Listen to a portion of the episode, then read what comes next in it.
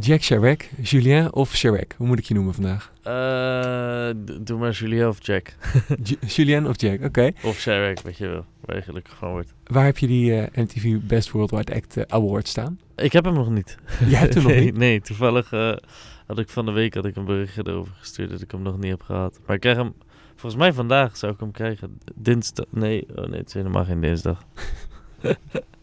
ik zou hem volgens mij dinsdag krijgen. Maar wat, wat was dan dat beeldje waarmee je op de foto stond? Nee, als je wint krijg je een soort, eh, dan krijg je een soort, eh, ja, gewoon zo'n voorbeeldmodel. Dat je die even daar voor de catwalk hebt. Maar je krijgt natuurlijk je eigen award.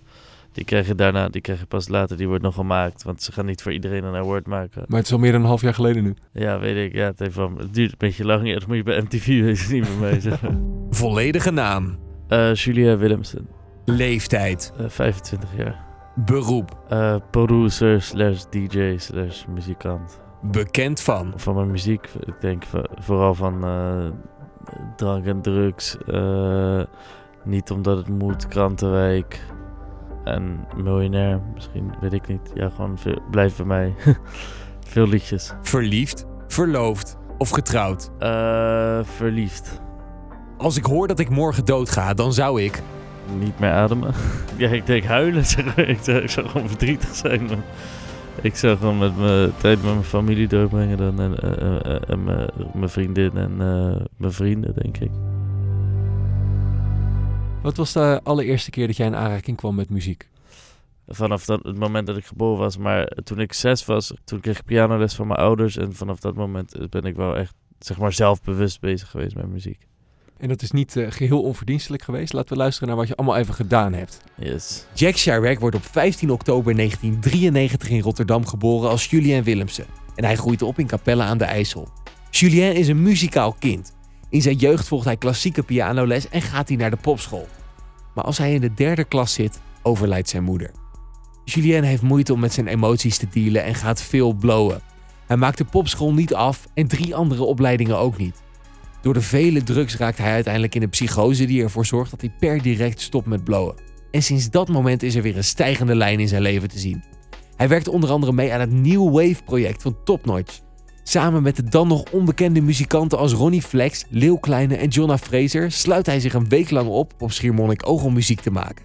En niet geheel zonder succes. Een van de resultaten was namelijk... Als je bitch wil chillen is het geen probleem, dan ga ik erheen. Ik kom niet alleen, want ik heb drank en drugs. Ik heb drank en New Wave wordt het meest gestreamde album van 2015 en wint meerdere prijzen.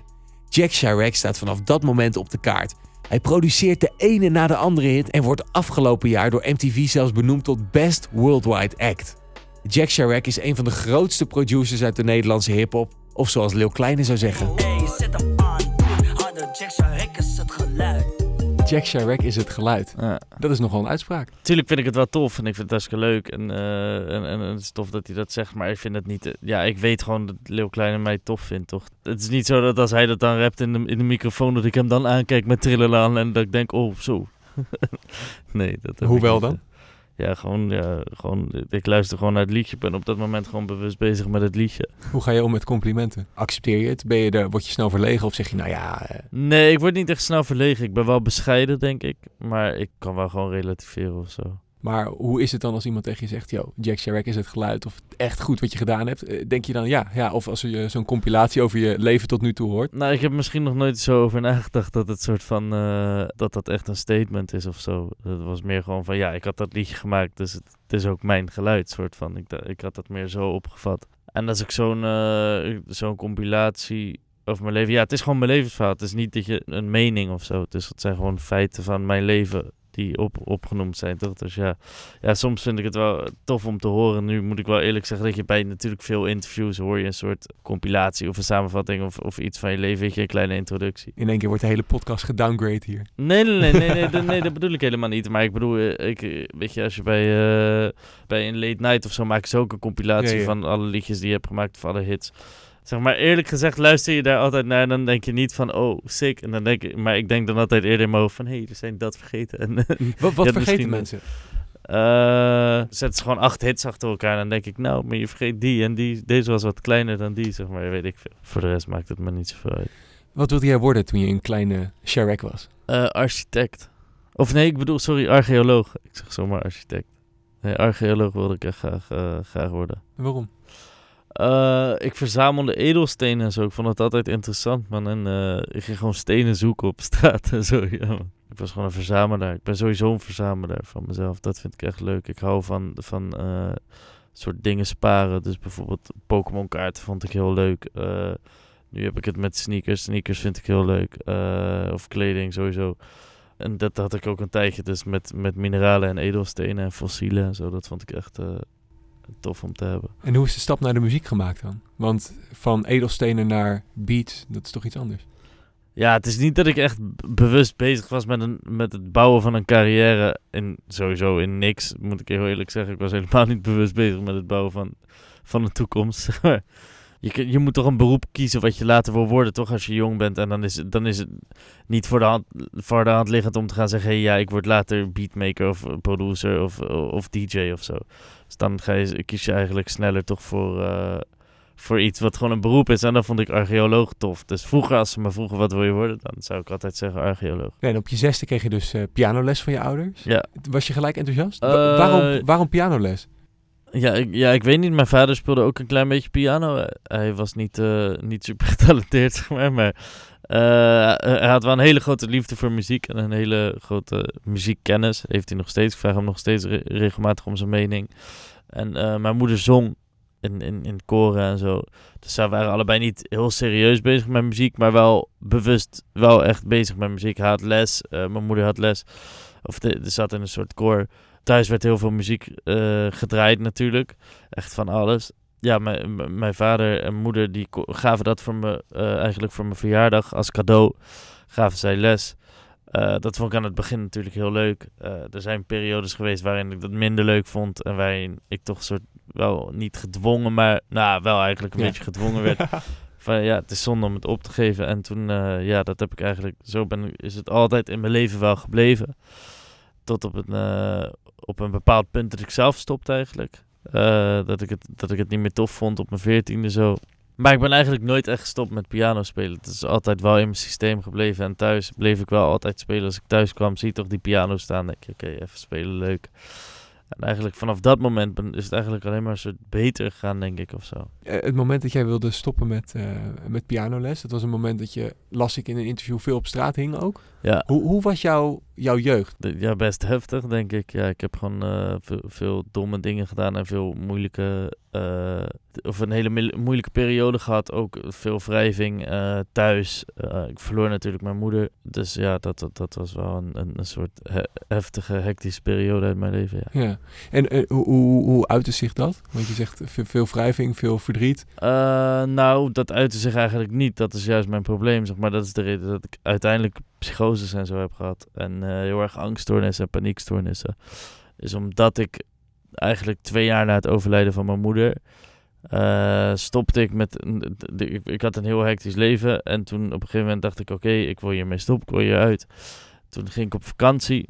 En toen... eh, had ik twee dagen een soort zen, helemaal niks gedaan. En toen eh, lag ik op bed en toen knapte er iets in mijn hoofd, man. En toen eh, kreeg ik een psychose en, en, en allemaal psychische klachten.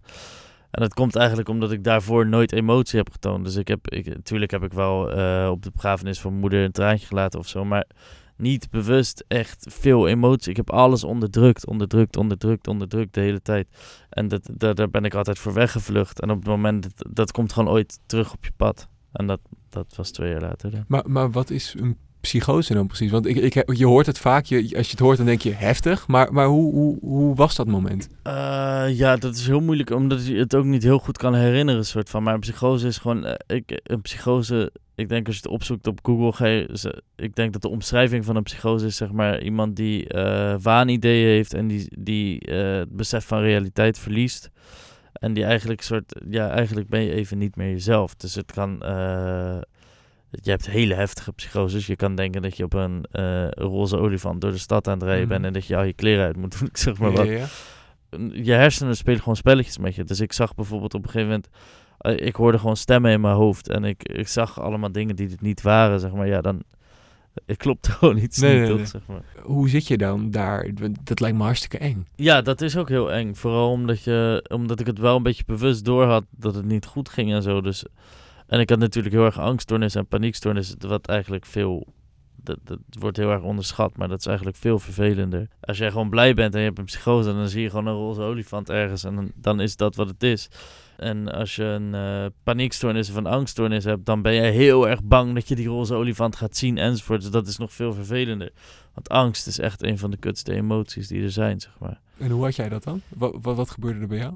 Nou ja, ik had gewoon door dat ik gek aan het worden was. En ik was gewoon heel erg bang dat ik veel gekker zou worden. Ik, eerst dacht ik dat ik tumor in mijn hoofd had. Dat ik eh, heel erg ziek was. Dat het, dat- ik wilde niet accepteren dat het iets mentaals was, zeg maar. Ik dacht dat iedereen om mij heen gek was en mij voor de gek hield. Wat ook heel kenmerkend is voor zulke gevallen. Want dan, eh je wordt heel erg paranoia, zeg maar. Dat duurde heel lang. En na een tijdje, eh, toen ik doorkreeg dat het mentaal was, had ik toch wel... Weet je, kreeg, onbewust kreeg ik dat wel een beetje door. En toen dacht ik, dadelijk wordt het erger, weet je. Dadelijk, eh, ja, je leest verhalen over mensen met psychoses die hun hele familie vermoorden of whatever, of dat soort dingen. Ja, maar je wordt heel bang dat jij ook zo wordt. Dus dat, dat is Nog wel... meer angst. Ja, ja, ja dat, dat is gewoon een cirkel die blijft gaan, die blijft gaan, weet je. En als je bang bent, gaat je hart heel snel kloppen. Dan denk je, zie je, het is wel iets lichamelijks. Ga je weer naar de dokter, lig je in het ziekenhuis, hartfilmpjes te maken enzovoort. Omdat op een gegeven moment is je hart ook daadwerkelijk zo hard aan het kloppen dat je echt naar het ziekenhuis moet. Omdat Mhm. je gewoon zo bang bent. Het is gewoon een cirkel die de hele tijd blijft. Maar hoe ben je eruit gekomen dan? ja, alcohol. dat is een beetje eh, misschien een, een, eh, een raar antwoord, maar dat is wel wat mij heel erg geholpen heeft in die tijd. Kijk, op een gegeven moment word je zo bang en ga je zo slecht. Je weet niet meer wat je moet doen. En ik werd ook heel bang dat het erger zou worden. Want het werd erger, zeg maar. Het ging over, over een tijdsbestek van anderhalf, twee jaar.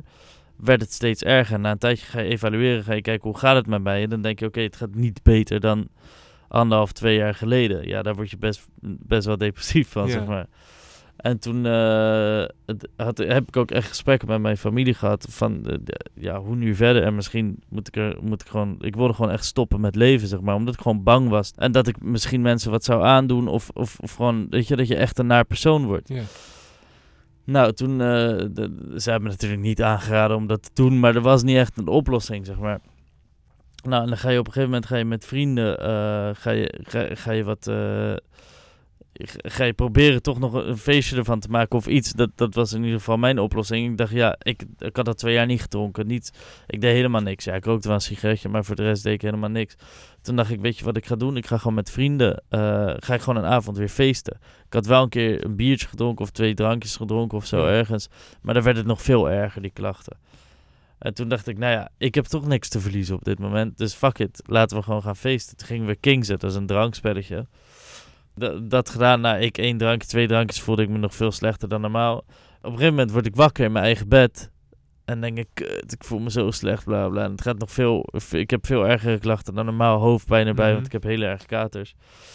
Ehm, en ik, maar ik ga soort van, eh, terugkijken naar de avond en ik denk, hé, hey, volgens mij heb ik gewoon een leuke avond gehad. Dus ik begin na te vragen en ik had gewoon helemaal gek gedaan, leuke avond gehad, maar echt lol gehad, zeg Ja. Eh, en, en voor mezelf, mijn gevoel over die avond was ook leuk. Dus ik dacht, oké, dat is best gek. Want ik heb in twee jaar tijd nooit lol gehad of, of iets leuks gedaan, zeg maar. Dus dan kan je twee dingen doen. Dan kun je- want voor mij was tot op dat moment, was, zat ik nog in die fase waarop ik niet wilde accepteren dat ik iets mentaals had. Maar dat, het gewoon, dat ik gewoon echt een ziekte had Ja. en die niemand kon zien of zo, of whatever. Heel raar. Ik dacht dus dat ik tumoren had en zo. Ik heb ook allemaal MRI-scans, allemaal dat soort dingen gedaan. Maar dus de, de- dat moment dat ik besefte van... hé, hey, nu kan je twee dingen doen. Nu kan, je, nu kan je dus voor de rest van je leven dronken worden. Wat niet de beste oplossing is. Wel een tijdje geprobeerd trouwens. Maar. Of je kan gaan nadenken, waarom werkt alcohol dan? Of waarom heb ik een leuke avond gehad? En dan ga je nadenken, ga je logisch nadenken. Dan denk je, oké, als ik alcohol drink, eh, heb ik er geen last van. Of dan heb ik het leuk, dus dan heb ik er geen last van. Wat gebeurt er als je alcohol drinkt? Je vergeet alles om je heen. Je krijgt een soort tunnelvisie. Je denkt alleen maar aan, aan lol maken. Dus op het moment dat je, dat je er niet aan denkt, dan heb je het ook niet. Ja, als jij een tumor in je hoofd hebt, die, soort, die tumor is even goed als je dronken bent of als je nuchter bent, Ja. zeg maar. Dus dat, dat, dat kan het dan niet zijn, zeg maar. Dus dan ga je voor het eerst inzien van... oké, dus als ik er niet aan denk, dan heb ik het ook niet. Je beeldt het je gewoon in. Het bestaat niet, zeg maar. Het is gewoon iets mentaals. En dat was voor het eerst dat ik dat inzicht kreeg. En vanaf dat moment is het wel weer heel snel eh, wat beter geworden bij mij, zeg maar. En maakte je toen ook al muziek? Zeg maar, als in, eh, produceerde je al? Ja, ja maar echt niet, eh, niet op dat, niet, totaal niet met de intentie om daar iets mee te bereiken. Ik was er nog helemaal niet mee bezig. Ik was gewoon bezig met mezelf, zeg maar, eerder op orde te krijgen dan eh, met een toekomst bouwen Ja. of zo. En, en bijvoorbeeld de eerste beat die je produceerde. Weet je nog wat dat was? Waarvoor dat was? Eh, nou, dat was, dat was op mijn dertiende, veertiende, denk ik. ik. Ik switchte toen van pianoleraar, want ik was al in die fase dat ik het niet meer cool vond om dat te doen. Toen ging ik dus naar de popschool in Ommoord en daar was een jongen die leerde mij, eh, volgens mij die Arma. En die, eh, die, kwam, die ging natuurlijk iets zoeken om, om mij erbij te houden. Want ja, ik was natuurlijk een, een leerling van hun, maar hij zag ook wel dat ik het niet meer zo interessant vond, zeg maar. En die kwam toen met het idee van, eerst gingen we popliedjes spelen. Daarvoor speelde ik klassiek natuurlijk. Mhm. Eh, nou ja, dat vond ik dus niet meer zo boeiend. Pop vond ik al wat leuker. Dan kon ik al liedjes spelen, weet je. Dan kon ik al mensen laten horen van... hé, ik kan niet spelen wat je kent, zeg maar. De- maar dat, dat vond ik na een tijdje dus ook niet meer boeiend. En daarna kwam hij met Reason, een, ook zo'n programma om in te produceren. Heel ingewikkeld programma, maar daar kon je loops onder elkaar plakken. Want toen gingen we gewoon dat doen. Een keer in de les gingen we gewoon allemaal van die voorgeprogrammeerde dingetjes onder elkaar plakken. En dan kreeg je ook een soort beat. En zo hebben wij, zijn we toen, ja, ben ik daarmee in aanraking gekomen. Toen heb ik het uiteindelijk thuis ook gedownload. Want kijk, dat is wel weer een soort cool om mijn vriendjes te vertellen, toch? Van, hé, hey, ja, ik, ik, heb, ik heb een beat gemaakt. Ja, dan, dan, dan, dan is een, een hip-hop beat maken veel toffer dan, eh, dan klassiek piano spelen, zeg maar. Ik las ook ergens dat Ronnie niet over jouw beats heen wilde rappen. Ronnie Flex aan het begin. Eh, ja, sowieso gewoon, eh, gewoon niemand aan het begin, moet ik eerlijk zeggen, nee. Want hoe werd dat ontvangen? Want jij, jij, je maakte muziek, je maakte beats, je dacht, dit is het. Hier ben ik trots Eh, op. Nee, man, nee, nee, helemaal niet. Nee, dat was gewoon een hobby. Het was gewoon iets wat ik deed. En ik, ja, toen blode ik, dus toen vond ik dat ook leuk om soort stoned, soort beats te maken. Dat was helemaal niet iets waar ik, waar ik veel ambitie in had of zo. Maar op een gegeven moment kreeg ik, moest ik van school af. En dan eh, heb je niet echt een andere optie dan gaan zoeken wat wel, wat, waar je wel nog een opleiding zou kunnen doen enzovoort. En ik kon op basis van mijn muzikale te zaakjes talent, want dat Mhm. was op dat moment echt niet denderend, kon ik wel naar de popacademie, kon ik daar wel aangenomen worden. Het ging bij mij, eigenlijk wilde ik ook heel graag tekenen. Ik deed ook heel veel aan graffiti en zo vroeger. Dat vond ik heel tof. En toen, ik had mezelf ook ingeschreven op het Grafisch Lyceum. Daar kon ik volgens mij ook op gesprek komen. En, eh, en bij de popacademie. En uiteindelijk heb ik toen voor muziek gekozen, zeg maar. Wanneer was het moment dat je dacht, hier wil ik serieus wat mee? Nou, eigenlijk denk ik dat dat toevallig zo soort van gelopen is. Of, of, of dat andere mensen dat meer voor mij hebben bepaald dan ik, ik voor mezelf of zo. Ik was niet echt eh, heel intens bezig met een carrière bouwen daarmee of zo. Dat, dat lukte gewoon één keer. En toen nog had ik niet echt het gevoel van oké, dit wordt mijn leven of zo. Nee.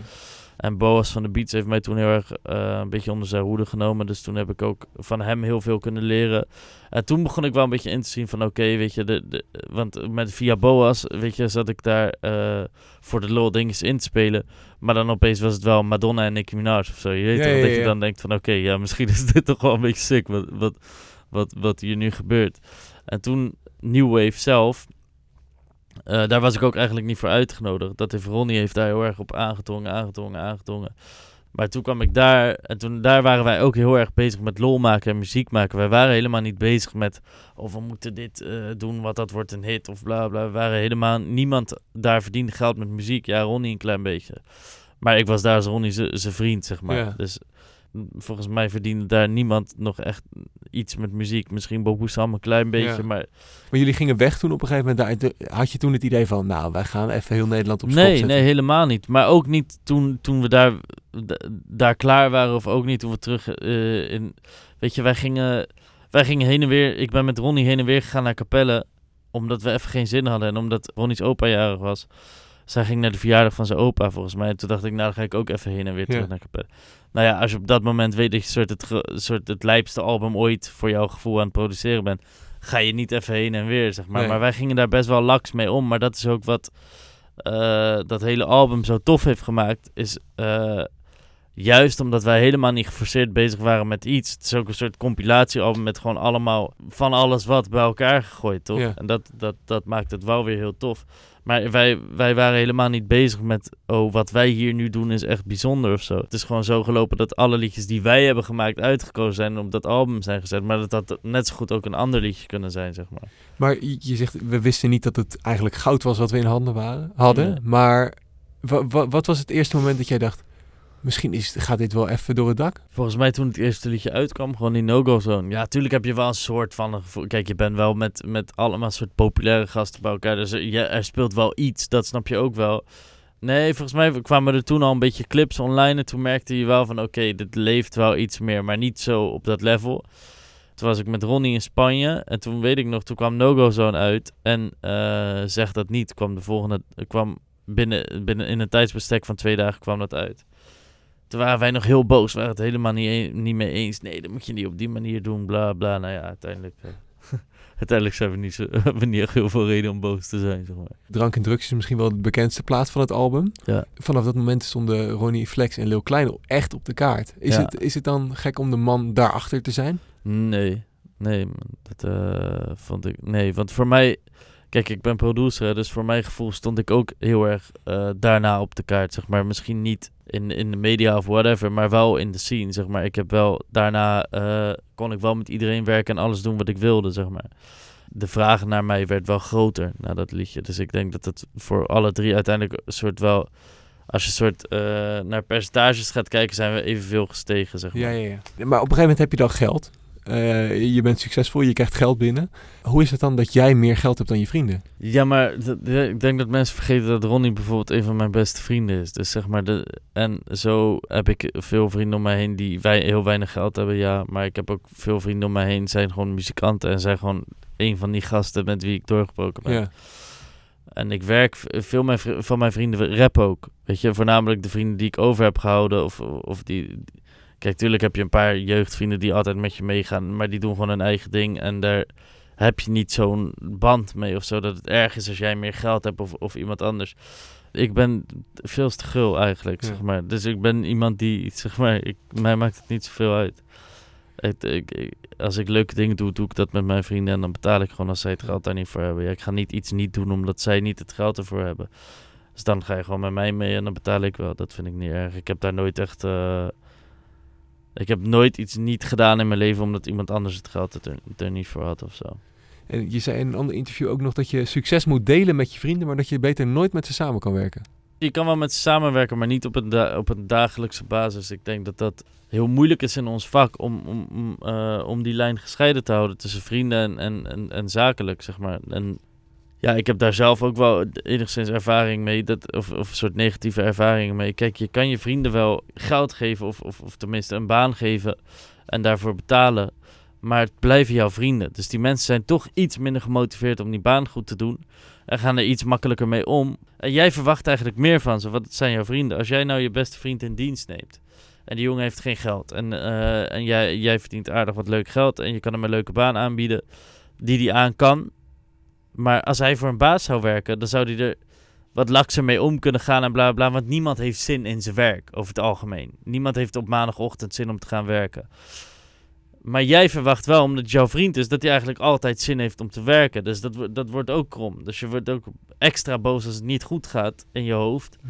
En hij gaat er soort extra laks mee om. Want hij denkt, ja, ik word toch niet zo snel ontslagen, want ik word je vriend. Dat kan heel snel een soort scheef groeien.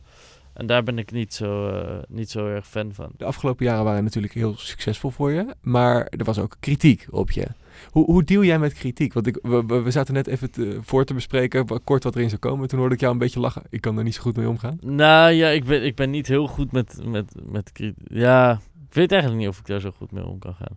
Voor mijn gevoel ben ik er nooit zo heel goed in, laat ik het zo zeggen. Maar ik ben heel koppig, dus ik, eh, meestal als ik iets heb gedaan of iets doe, dan is het wel doordacht. Tenzij ik iets doms, eh, impulsiefs heb gedaan. Maar over het algemeen is alles wat ik doe wel doordacht. Dus als ik dan een soort discussie met iemand erover krijg, dan ben ik het meestal niet met mensen eens. Dan vind ik gewoon dat de hele wereld het anders ziet dan dat ik het doe. En dan na een tijdje kan ik wel relativeren en denken van... oké, nee, misschien ben ik wel gek en niet de hele wereld. Maar ik ben wel iemand die wel de eerste soort van drie keer in discussie wil gaan of zo. En check je ook alles wat er geschreven wordt over je of wat er gezegd wordt? Ja, wel veel, ja. Want bijvoorbeeld eh, met New Wave was er veel kritiek over dat jullie de popprijs wonnen. Eh, toen jij de IMA... Ja, maar dat doet mij helemaal niks. Nee? Nee. Waarom dat niet? Eh, omdat dat als collectief is of zo. Als, je, een soort, als groep vind ik het sowieso geen persoonlijke aanval of zo. Nee. Ja, ik had ook niet anders verwacht. En ik was ook wel ergens blij dat het zo was. Want dat betekent dat het echt iets met mensen doet. Zeg Ja. maar. En dat je echt iets aan het veranderen bent. Want ik had even zitten graven in de comments die er eh, geschreven waren. Eh, eentje was bijvoorbeeld... Bah, doorgesnoven gekken, schande voor de Nederlandse popmuziek. Ja, dat vind ik wel bijzonder. Want? Nou ja, het is niet, ik voel me geen doorgesnoven gek, zeg maar. En, maar als je zoiets leest, als je dan bij wijze van spreken onder nu.nl op eh, Facebook gaat kijken. Ja, maar dit is toch een mening van Ja, iemand dat die helemaal niet relevant is. Of Nee. tenminste, zijn mening is niet relevant. Ik bedoel meer te zeggen, deze persoon weet toch helemaal niks van ons. Omdat we een liedje hebben dat drank en drugs heet, is iedereen doorgesnoven, zeg maar. Daar, Ja. daar- dat, daarop is dat gebaseerd. Ja, mensen die noemden het de dood van de popmuziek. Eh, nee, de dood van hun popmuziek Ja. is het meer waarschijnlijk. Dat soort dingen denk ik altijd, ja. de- hoe belangrijk is die persoon zijn mening? Die persoon gaat toch nooit fan worden van mijn muziek. Dus zijn mening is belangrijk voor zichzelf, maar niet voor mij, zeg maar. Maar- en ik vind sowieso nu.nl en zo, ja, die mensen die daarop reageren zijn sowieso eh, vrij fanatiek over het algemeen. Want je zegt als collectief raakt het me niet. Maar toen je bijvoorbeeld die eh, IME won, daar reageerden heel veel mensen onder. Wie? Ja, maar ja, ook dat. Ja, dat boeit mij ook niet zoveel. Dan denk ik alleen maar, ja, ja, degene die hem wint, je weet toch. Dus zeg maar, ik, ergens vind je dat vervelend, maar aan de andere kant denk je ook weer van, ja, ik ben ook wel trots dat zeg maar, dat je als, als iemand die dus niet zo super bekend is, eh, wel zoiets kan winnen. Dus dan Ja, want je had dat- gasten als Avicii en Shawn Mendes en zo Ja. allemaal opzij gezet Ja, eigenlijk. precies. En dan ben je dat zeg maar op, op, op basis van, dan ben ik dat dus in mijn ogen op basis van, van wat ik heb gedaan, zeg maar. Niet op basis van fanbase per se of zo. nee. Dus dan vind ik dat wel, ja. Dus dat doet je eigenlijk wel- niks. Jawel, het doet me misschien wel iets, maar ik vind het wel hard of zo. Ja. Aan de andere kant. Je moet gewoon relativeren. toch? En, en kritiek, zeg maar, je zegt ik ga graag in, in discussie met mensen. Heb je dat moeten leren ook om, om te dealen met kritiek? Of is het gewoon nog steeds dezelfde manier als je vroeger dealde met kritiek? Nee, ik denk dat ik er vroeger beter kon dan nu. Beter tegen kon dan nu. Wat dan? Eh, nou, omdat ik vroeger zeg maar niet, niet echt... eh, vroeger deed ik maar wat, zeg maar, voor mijn gevoel. Weet je, we waren gewoon lol aan het maken en we brachten gewoon muziek uit. Ja, ik wist ook wel eh, dat drank en drugs niet geliefd zou worden door een 40-jarige, zeg maar. Maar nu ben ik wel op het punt dat ik echt dingen maak waar ik wel een soort van mijn hart en ziel in steek. Waarvan ik denk van, oké, dit, dit vind ik echt goede muziek. En als dan iemand het gaat, zeg maar, afkappen, zeg maar, dan is het wel van, ja... Oké, maar dit is wel een soort persoonlijk. Dat probeer ik zo min mogelijk zo te zien hoor. Maar dat, dat, dat gebeurt nog wel eens, zeg maar. En weet je nog de allereerste kritiek die je kreeg? Want je zei dat Ronnie niet op je muziek wilde rappen vroeger. Wat, wat, wat, wat zegt zo iemand dan? Ik vind het kut. Nee, nee, nee, tuurlijk niet. Maar dat merk je toch gewoon. Ik ging ook niet de hele tijd vragen: hey, wil je op mijn beats rappen? Wij waren gewoon vrienden. Ja, als je gewoon een. eh, als ik vrienden heb die rappen en ik laat beats horen en jij zegt niet van: oh, hier wil ik op rappen, dan is is het in mijn ogen niet goed genoeg. En dan hebben we ook niet op dat moment gezegd van: oh, je bent echt kut of zo. Maar die zeiden achteraf gewoon van: ja, je- was wel kut. En als, als, als, begin, als je beginnend bent aan het begin van je carrière, bijvoorbeeld beginnende radiomaker, beginnende, nou ja, wat je ook mag doen als je deze podcast luistert, dan krijg je ook kritiek. Weet je, je bent aan het leren om naar boven te komen. Ja. Hoe zou je er volgens jou mee moeten dealen als je gewoon Eh, mensen een les mocht meegeven? Ik denk dat je gewoon voor jezelf moet accepteren dat op het moment dat er geen kritiek is, dat je het ook niet goed doet. Zeg maar. Als je kijkt naar iedereen die doorbreekt, als ik, als ik kijk naar de muziekwereld, dan ik weet niet hoe dat in de radiowereld werkt, maar in de muziekwereld, iedereen die doorbreekt en die succes bereikt, is aan het begin soort helemaal met de grond gelijk gemaakt en, en die wordt soort van echt, echt veel opgehaat. Maar dat zijn wel de mensen die uiteindelijk, als ze dat overwinnen, dan worden ze super succesvol. Kijk naar een... eh, Kijk naar hoeveel Leeuw Kleine en Ronnie, hoeveel kritiek zij hebben gehad met, met drank en drugs. En Ronnie in de tijd daarvoor ook gigantisch veel kritiek, omdat hij anders was dan de rest. En weet ik veel, roze skinny jeans droeg. En terwijl iedereen nog in wijde kleding liep. Een, boef, hoeveel hij over zich heen heeft gekregen. Eh, kijk naar een Femke Louise, hoeveel zij over zich heen heeft gekregen, hoeveel haat zij heeft gehad. Eh, en zo zijn er oneindig veel mensen die... eh, Busy gaat op dit moment super lekker, maar hij is nu zeg maar net, weet je, net twee jaar relevant in Nederland. En hij heeft nu die hele shit laat aan haat gekregen. Zeg maar net, zo, net zoals Femke. Maar hoe kan het dat er op de hip-hop zoveel haat is? Eh, omdat eh, dat doet de hip-hopcultuur zelf ook. Hè. De, dus de, de gasten die zelf hip-hop luisteren, haten ook op alles wat nieuw is. Want het is niet. Het is- er is altijd een soort ding van nee, wij willen de oude sound terug of zo, weet ik veel. Maar dat, dat bestaat niet, want hip-hop ontwikkelt heel erg. En sterker nog, zij gaan er ook in mee, maar dat duurt gewoon bij, bij, bij het mainstream publiek wat langer dan, dan bij de artiesten, zeg maar. De artiesten proberen toch altijd te vernieuwen. Ja. Dus zij zijn een soort van de, de hip-hop is gewoon de populairste muziekgenre op dit moment, denk ik, in Nederland. En zij proberen ook, de, zij zijn ook een soort trendsetters in heel veel dingen. Ook qua mode, ook qua heel veel dingen. Ja, dus, maar trendsetters moeten altijd nieuwe dingen doen voordat de rest het doet. Dus ja, dat zijn degenen die de haat over zich heen kregen. Wat mij opviel trouwens, eh, ik heb eh, in deze podcast ook gesproken met eh, Kim Holland, bijvoorbeeld met Arjen Lubach, nou, met Ja. jou nu. Wat mij opvalt bij de meeste mensen die succesvol zijn, is hun moeder overleden. Ja, misschien zie ik een hele gekke draad daarin. Heeft dat bij jou iets bijgedragen aan de manier hoe je bent gaan werken? Mm, ja en, en nee. Ja, ik denk dat ik wel heel veel op mijn moeder lijk qua, qua doorzettingsvermogen, et cetera. Want dat heb ik wel heel erg van haar. Maar ik, ja, ik, ja, ik weet niet hoe, hoe dat dan... een- Is het gewoon een toevalligheid die ik nu zie? Eh, nou ja, nu je het zegt, ik ken wel veel mensen. Ik ken heel veel artiesten die, die met één ouder zijn opgegroeid. Wel echt bijna alle artiesten die, ik- die ik ken. Misschien wel zelfs, ja. Dus misschien is het heb je wel een soort dingetje. Allemaal nieuwe inzichten ineens. Ja, ja. Geen idee. Nee, ja, ik weet niet hoe dat, hoe, hoe Nee. dat moet leiden. Ja, misschien dat mensen... Dat, dat het soort creativiteit in mensen losmaakt of zo. Omdat ze soort emoties hebben die... Ja, het zijn wel mensen die levenswijs zijn over het algemeen. Of mensen die soort iets hebben meegemaakt, toch? Dus je hebt een verhaal, je hebt wat bagage. Dat kan je vaak misschien op creatieve manieren makkelijker uit. En misschien dat je daarom dan meer met je creatieve kant eh, bezig bent of zo. Ja. En jij was aan het begin van je carrière heel erg onder de, onder de vleugels genomen. Hoe noem je dat? Onder de hoede genomen van Boas van de Beach. Die, die nam jou mee. Begeleid jij ook jong talent? Eh, ja. ja, zeker. En hoe gaat dat dan? Die komen bij jou, die sturen jou een DM'tje of... Ehm, ik heb sinds kort een managementbureau en eh, ik ben ook een label aan het opzetten.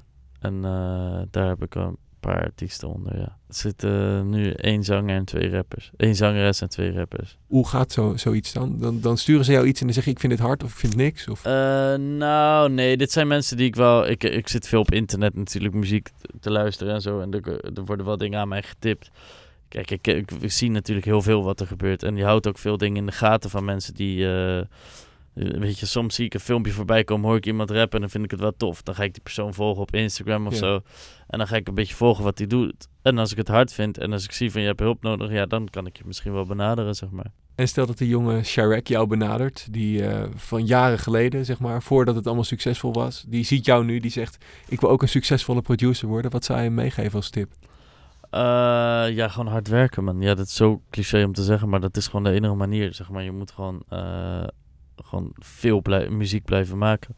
Elke dag muziek maken. Dat is het enige wat ik heb, heb gedaan, zeg maar. En dat, ja, dat, dat is de beste manier. Je kan het beste van jezelf leren. De beste manier om te leren is gewoon doen. Er komt binnenkort een nieuw album aan. Ja. Je hebt nummer 1 hits gescoord. Je hebt, bent de eh, best worldwide act. Ja.